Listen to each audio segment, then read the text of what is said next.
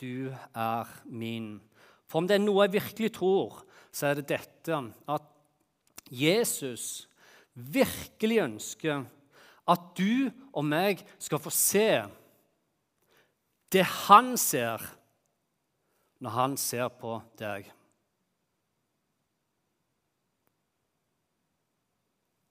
Om det er noe Gud ønsker, så er det at vi skal få lov til å se Han og oss sjøl gjennom Hans blikk, gjennom Hans øyne, slik at vi forstår hvilken dimensjon dette er.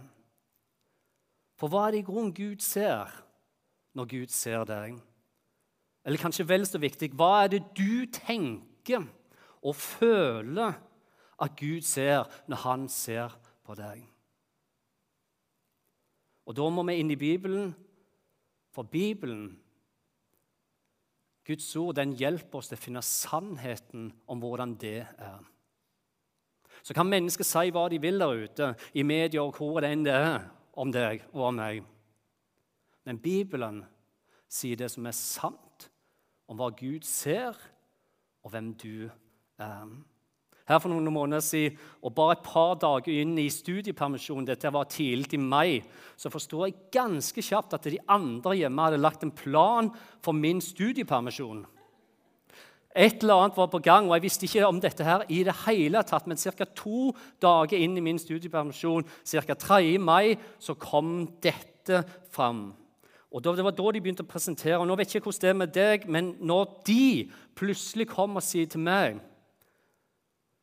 Snille, snille pappa. Og kona i tillegg sitter på sida og sier gode og fine hjem. Da bare vet jeg at nå kommer jeg til å slite big time snart. Noe er på gang. Og planen deres var det var noe på gang. Og planen deres var, og de forklarte for meg, at de ønsket å ha kyllinger hjemme. Og ikke bare én eller to eller tre kyllinger, nei, fem kyllinger skulle de ha hjem. Og det er en ting Hvis dette kunne vært en dialog over tid, liksom, der vi kunne få land på noe, men greia var at inni denne planen som jeg ikke var involvert i, der var det allerede bestemt at de skulle hente de fem kyllingene i dag. Og det var avtalt allerede. Noe som førte til at jeg nesten ikke fikk blunke. Jeg fikk svelget en gang før det var fem kyllinger hjemme framfor meg på stuegulvet. Og slik som det er da med fem kyllinger, jeg vet ikke om du har peiling på dette her, jeg hadde ikke peiling, men jeg har lært nå, sånn som det er med fem kyllinger, De blir veldig fort små, koselige kyllinger, svære høner som trenger plass å bo. Og Det skulle de også ha i planen, og en skulle fikse det. Kan dere gjette hvem det var? som skulle fikse det? Og Det som jeg i hvert fall trodde når vi har fått fem høner, det var det at det var fem høner helt til en sommermorgen klokka halv seks om morgenen jeg plutselig forsto og jeg ble stiv av skrekk i sengen når jeg lå der med vinduet oppe. Da jeg forsto at det faktisk var noe som hørtes ut som en gammel, rossen dør som bare gikk opp og igjen. Og det var sånn det var. altså. Det var helt forferdelig ulyd. Du kan ikke tenke deg noe. Det er liksom en sånn lyd som får deg til å fryse på ryggen, der du ønsker bare å rope om hjelp. For det var som en skrik der ute. Og han skreik for hele verden og hele nabolaget, noe som igjen gjorde at vi forsto veldig kjapt. Det var ikke fem høner, men det var tre høner og to haner. Og for å si det slik, denne her ene hanen er en gol.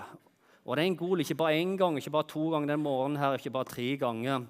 Det kan jeg love deg. Denne hanen holdt det gående helt til jeg kom ut av telling og jeg var gjennomsvett i senga.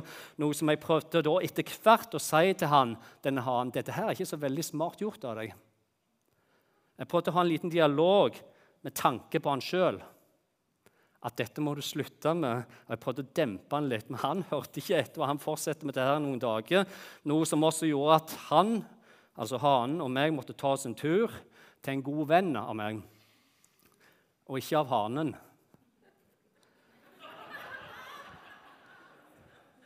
Og Christian Stuestøl han tok imot hanen med åpne armer. Og Kristian Stuestøl han viste omsorg for pastoren sin, som tross alt hadde hviletid og studiepermisjon. Så Kristian Stuestøl, han Vi skal stoppe der, for å si det sånn. Men det ble stillhet. Og det her og nå, da Du lurer på, kanskje på hva har dette med dagens tale å gjøre? Og det her jeg på en måte tenker at Hvis vi kan få til en god overgang, jeg vet ikke om vi får det til, men vi skal inn i Bibelen til kanskje en av de viktigste og nydeligste historiene jeg vet om i hele Bibelen. Fordi den speiler og den forteller noe om mitt liv, og den forteller om ditt liv. Og han forteller noe om å gjenkjenne og kjenne, og om hvem vi er i møte med Gud. Og hva som er en god måte å møte Gud, hva som er en rett måte å møte Gud.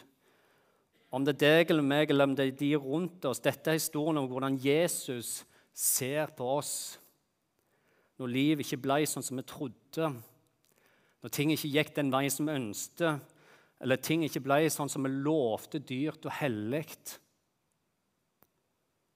Da er denne historien til oss. Og om jeg våkna da brått av en hane, og det frøys på ryggen min tidlig til morgenen, når hanen gol, så kan jeg love deg at Simon Peter, som var en av Jesu nærmeste disipler Når Simon Peter hørte hanen gol tre ganger, eller to ganger faktisk, og fornekta han tre, sånn var det, da gikk det kaldt nedover ryggen hans.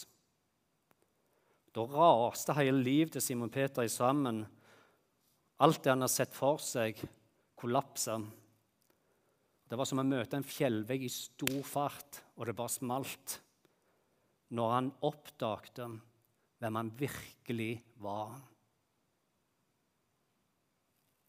Fordi det Peter hadde lovt Jesus før, han kom, de, før de kom og tok Jesus til fange, var jo dette Om så alle andre vender ryggen bort ifra deg, det gjør ikke jeg. Som betyr at selv når man følger med godt med ham For selv om alle de andre, om disse andre disiplene her Om Jakob, Johannes Om Matteus vender ryggen til deg, stikker av Jeg lover dem 100% dette løftet til deg. Jeg stikker ikke av. Og Jesus han svarte, Simon Peter, sånn som det er. Jeg sier deg nå i natt, før haren gale, to ganger skal du fornekte meg tre ganger. Men Peter han forsikrer Jesus nok en gang. Om jeg som må dø med deg, så vil jeg ikke fornekte deg. Vel, Simon Peters løfte, hans besluttsomhet og overbevisning om hva som var rett, varte ikke så veldig lenge. Da de romerske soldatene kom og arresterte Jesus, og disiplene de flyktet, så valgte Peter å bli værende igjen. Men han var litt på avstand for å følge litt med på avstand. Og det står at han, Simon Peter satte seg med et bål, eller han sto med et bål fordi det var kaldt. De førte Jesus til overpresten, og alle overprestene, de eldste og de skriftlærde, de kom sammen. Bare se dette bildet for deg. Alle øverste samla seg. Men Peter hadde fulgt etter ham på avstand helt inn på gårdsplassen hos øverstepresten. Der satt han sammen med vaktene og varma seg med bålet. Og bålet det gjorde nok kroppen hans varm, men på innsida gjorde frykten han iskald. Og når folk rundt ham begynte å stille spørsmål om ikke dette her var en av Jesus' disipler Simon, er ikke du en av Jesus' disipler? Kjente ikke du Jesus? Var ikke du òg en av de som fulgte med han? Da begynte Peter å banne, står det, og han sverger. 'Jeg kjenner ikke den mannen dere snakker om.' Og i det samme gol hanen for annen gang. Da husker Peter den har sagt, 'For hanen gal to ganger skal du fornekte meg tre ganger.' Og han brast i gråt. Og det er ikke vanskelig å forstå at Peter etter dette, og kanskje så lenge han levde, hver eneste gang han hørte en hane gale, at han kanskje frøys nedover ryggen. Jesus lider ufattelig, og han svikter. Vennen, mesteren, døde, og han brøyd det dyrebare løftet sitt. Løftet om å være der når Jesus trengte han. Løftet om å være den som støtter og bærer når tyngden blir for stor. Om å være han som løfta opp når Jesus ble bøyd. Det var dette han lovte.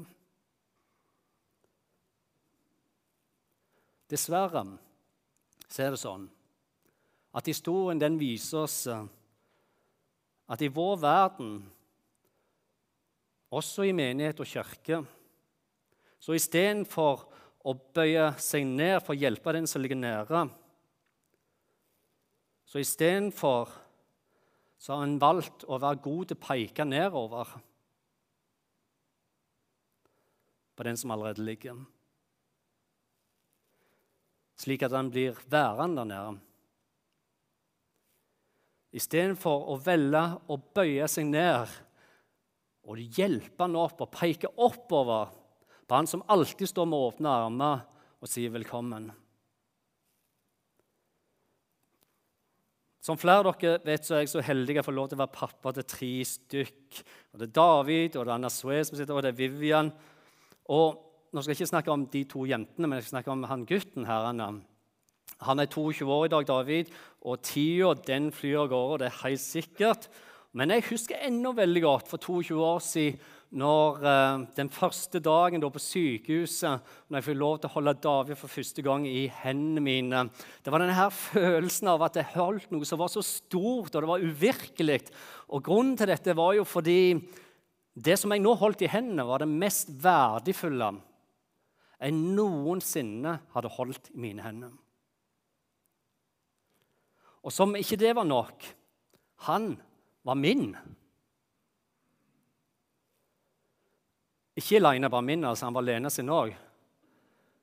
Men jeg kunne se på han og si 'Du er min'. Et spørsmål. Tror du at dette har endra seg i morgen? At han ikke lenger er min, altså? Jeg mener, Han har jo gjort en del ting som ikke er helt sånn som jeg så for meg at dette skulle bli. Han har jo sagt imot meg, vært uenig med meg, krangla med meg. Ikke så veldig mye, altså, men én gang kan jeg huske. Kanskje to. Han har jo gått sine egne veier. Han har til og med vært ulydig. I tillegg så lovte han å rydde rommet sitt i oppveksten, han lovte å støvsuge huset, han lovte å vaske opp, han vaske bilen. Han lovte til meg dyrt og hellig at han skulle gjøre det. Og så gjorde han det ikke. Før jeg måtte mase på han igjen og igjen. Men tror du at dette har endret mine tanker om hvem han er for meg? Eller for å ta meg sjøl. Når naboen kom til mor fordi det hadde vært noen epletre hennes, og epleskrottene var det eneste som lå igjen på bakken, tror du at de kom til mor og bankte på døra til mor fordi de trodde at det var hun hadde gjort det? Eller tror du det var han som sto og gjemte seg bak gardinen og trodde han skulle komme i fengsel snart, som hadde gjort det? Eller hva med den gangen når brannvesenet måtte rykke ut til en gressbar midt på Bryne, og politiet en fredag kveld stilte opp på dør, bankte på døra og spurte har du noen sønner som heter Gjelling og Jim. Tror du at hun sa nei, de to der, de kan jeg ikke huske at jeg har hatt. Nei, de tilhører ikke meg. Tror du hun sa det? Nei, hun sa ikke det. Selv om at noen ganger hun skulle ønske at hun virkelig kunne få sagt det. Det er jeg sikker på. I hvert fall med Roy. Men hun sa ikke det, for det hun sa til politiet denne fredagskvelden når de bankte på døra, var ja, de er mine.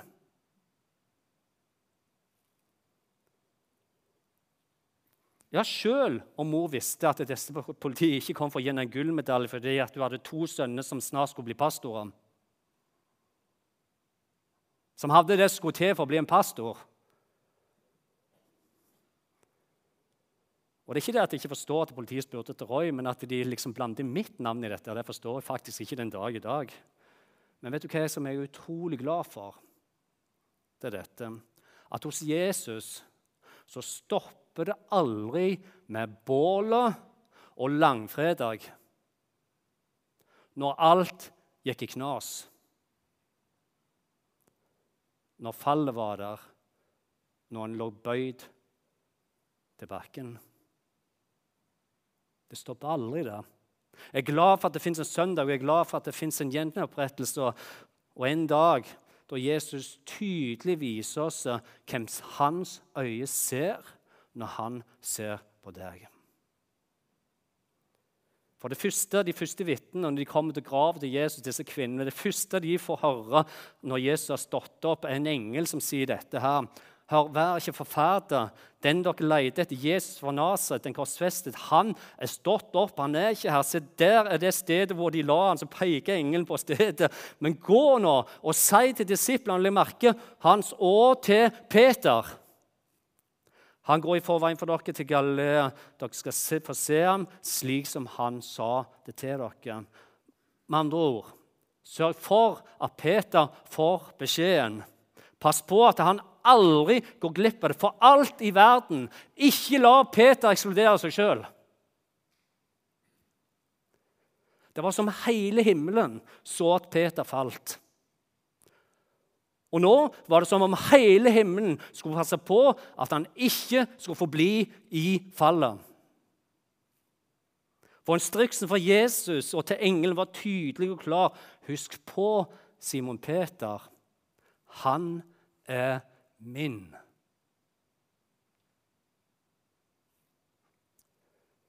Og På samme måte så sier Jesus det til deg i dag. Og Jeg vet ikke hvor du er henne i livet eller hvor du er henne på vandringen. Jeg aner ingenting. Men det han sier klart og tydelig til deg for alt i verden Ikke ekskluder deg sjøl. Ikke tro ett sekund engang at du er diskvalifisert. Du er min.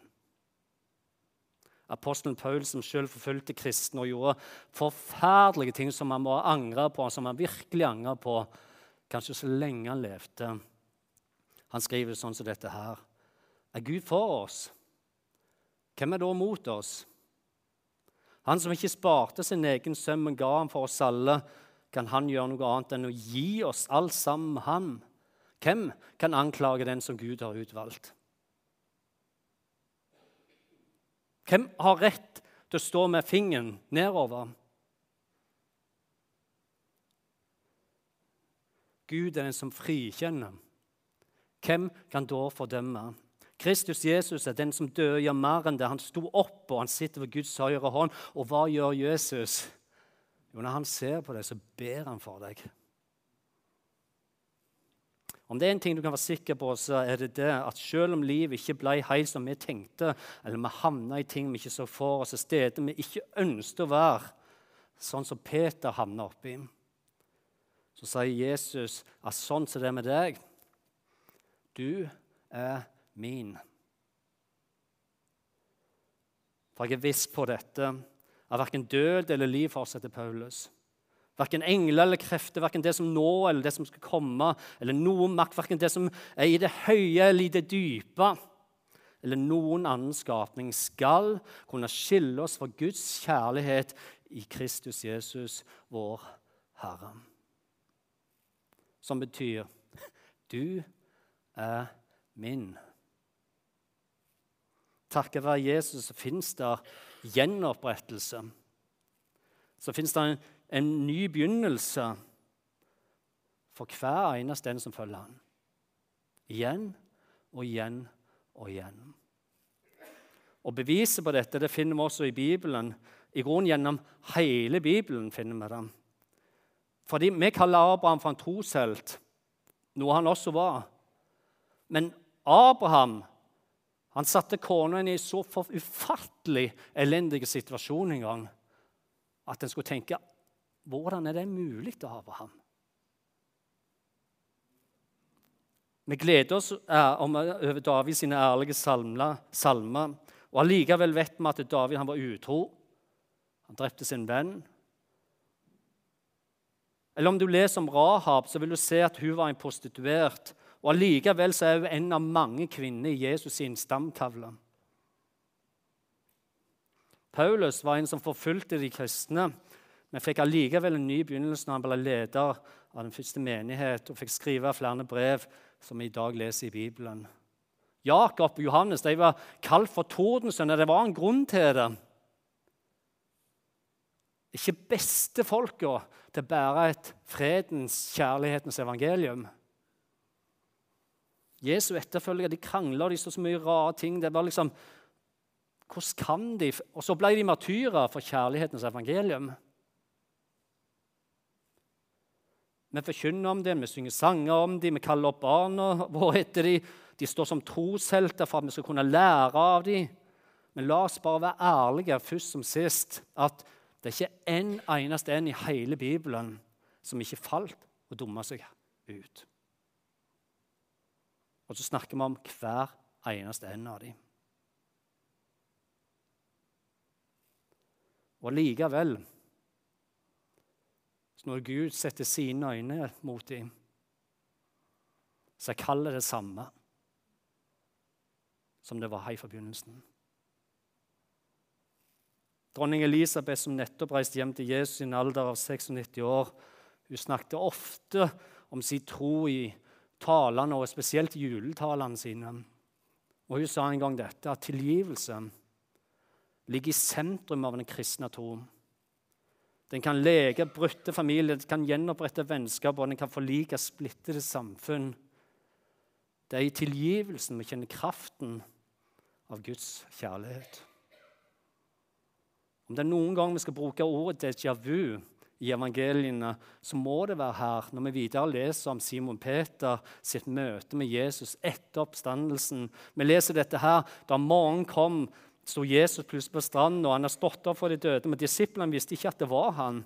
'Har dere ikke noe å spise, barna mine?' sa Jesus. Nei, svarte de. Så kast garnet ut på høyre side av båten, så skal dere få, sa Jesus. Og De kasta garnet ut, og nå klarte de ikke å dra det opp. Så mye fisk hadde de fått. Og dette underet her, dette store fiskeunderet her, det skjer kun to steder i hele evangeliene. Og Dette er bra at vi får med oss. For hvorfor skjer det her, og hvorfor skjer det der som det skjedde først, tre år før? Jo, det skjedde når Jesus kalte Simon Peter.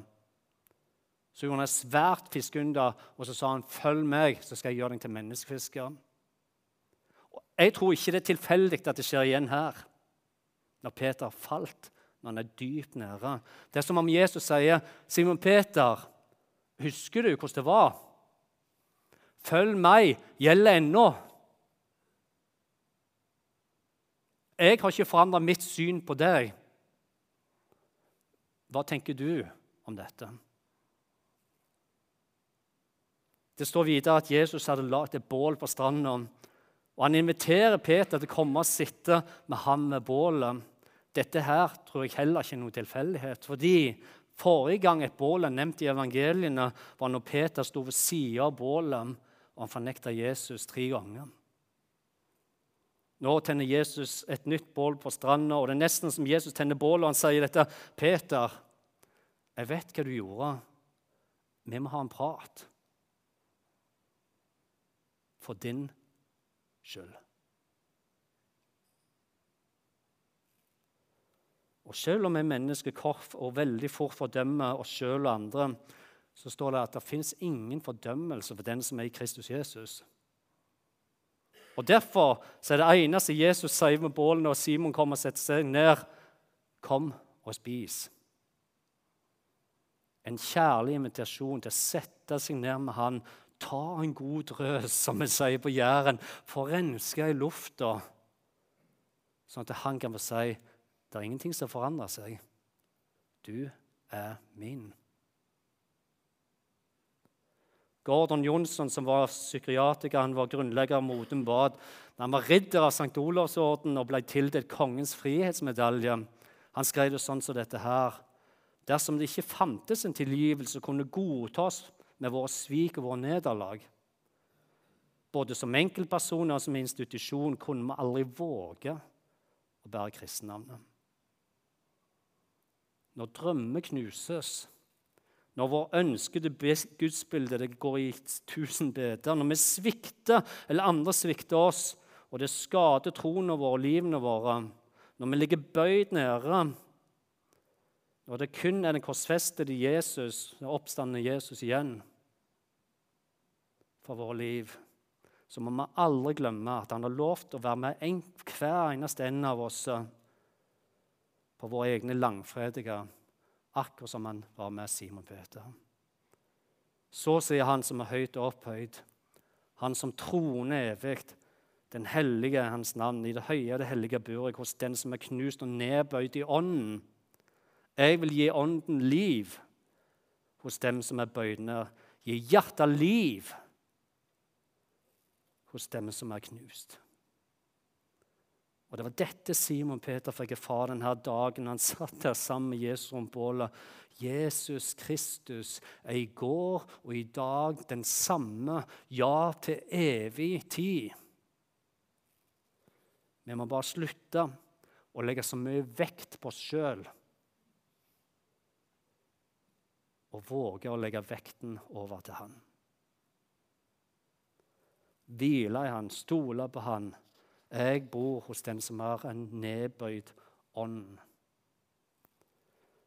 Det står videre at da de var ferdig med måltidet, sier Jesus til Simon Peter.: Simon, sønn av Johannes, elsker du meg mer enn disse?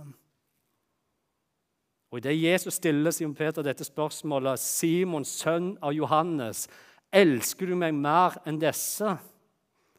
Så husker jo Peter veldig godt hva han hadde sagt for noen dager siden om så alle disse andre vender ryggen, stikker fra deg, svikter deg, så kommer jeg aldri til å gjøre det. Simon Peter, elsker du meg mer enn alle disse andre? Har du noen gang lurt på hvorfor Jesus denne dagen til slutt stiller Peter spørsmålet tre ganger? Elsker du meg? Elsker du meg? Har du meg kjær? Jo, det å vise Peter at for hver eneste fornektelse så fins det også tilgivelse. For hver eneste feilskjær i våre liv så hvis det er mulig for gjenopprettelse For hver eneste feil vi kommer til å gjøre, så finnes det en forsoning som venter. Om det er noen gang du skulle vært i tvil om dette, så er det her det, Jesus er den store helten her. Det var Jesus som kom, og det var Jesus som fant Peter den dagen. Det var Jesus som la til rette for Peters fiskefangst der ute. Det var Jesus som tente bålet for Peter. Det var Jesus som diska opp og lagde mat til Peter. Det var Jesus kjærlighet som banket på Peters hjerte. Det var Jesus som inviterte med åpne armer Peter inn til å sette seg ned med han. Og det var Jesus som ga Peter muligheten til å se seg sjøl med Jesus sine øyne. Jesus er helten. Han er redningsmannen. Han er full av kjærlighet og ønsker at du skal kunne se akkurat det samme som han ser. Hver eneste dag, uansett hvor du er i livet, se med hans øyne. Og han er det en invitasjon til gjenopprettelse alltid. Alltid en invitasjon til gjenopprettelse. Amen. For du er min, sier han. Du er min. Skal vi be sammen til slutt? Gode Herre, vi bare takker deg her for at det står ditt ord at du har kun fredstanker. Du har ingen ulykkestanker, men du har fredstanker, du har framtid, og du har håp for oss, Herre. Takk for at du er oppstandelsen og du er livet, Herre. Og hver den som tror på deg, skal ikke få gå fortapt, men for evig liv. Takk her for det står at så lenge vi lever her, så vil vi kanskje oppleve trengsler. Men takk for at de er kortvarige, som står i ditt ord, i forhold til det som du har lovt oss i en evighet. Vi har en evighet i vente. Takk her for at du sier at vi ikke skal frykte og se oss engstelige omkring. For at du er vår Gud, du er vår styrke, og du er vår hjelp, og du holder oss oppe med din rettferds høyre hånd, står det. Takk, Jesus, for at du bøyer deg ned og du omfavner den som ligger bøyd, Herre. Takk for at du er mild og du er ydmyk av hjerte, Herre. Takk for at du ser den enkelte av oss med kjærligheten og nådens øyne. Må du hjelpe den enkelte av oss til å se det samme i oss sjøl som du ser. Må du hjelpe den enkelte av oss til å se det samme de vi har rundt oss, som du ser. Må du hjelpe den enkelte av oss at vi ikke blir den som står og peker ned. Men vel å bøye oss og peke opp.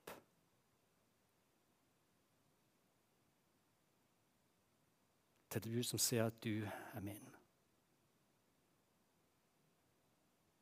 Og så ber vi her for nattverd vi skal ha, for tid vi skal sammen med deg. Takk for at du inviterer alle til ditt bord, Herre. Alle de som ønsker å følge deg, som ønsker å gi sitt liv til deg, inviterer du, Herre. Og så skal vi få lov til å dele den tiden vi har sammen med deg her, Herre, og minnes det du gjorde, og samtidig få lov til å takke deg for at når du ser på oss, så ser du med kjærlige øyne, som en pappa, som en far, som sier ingenting har endret seg. Du er like elsket. Kom og følg meg. Amen.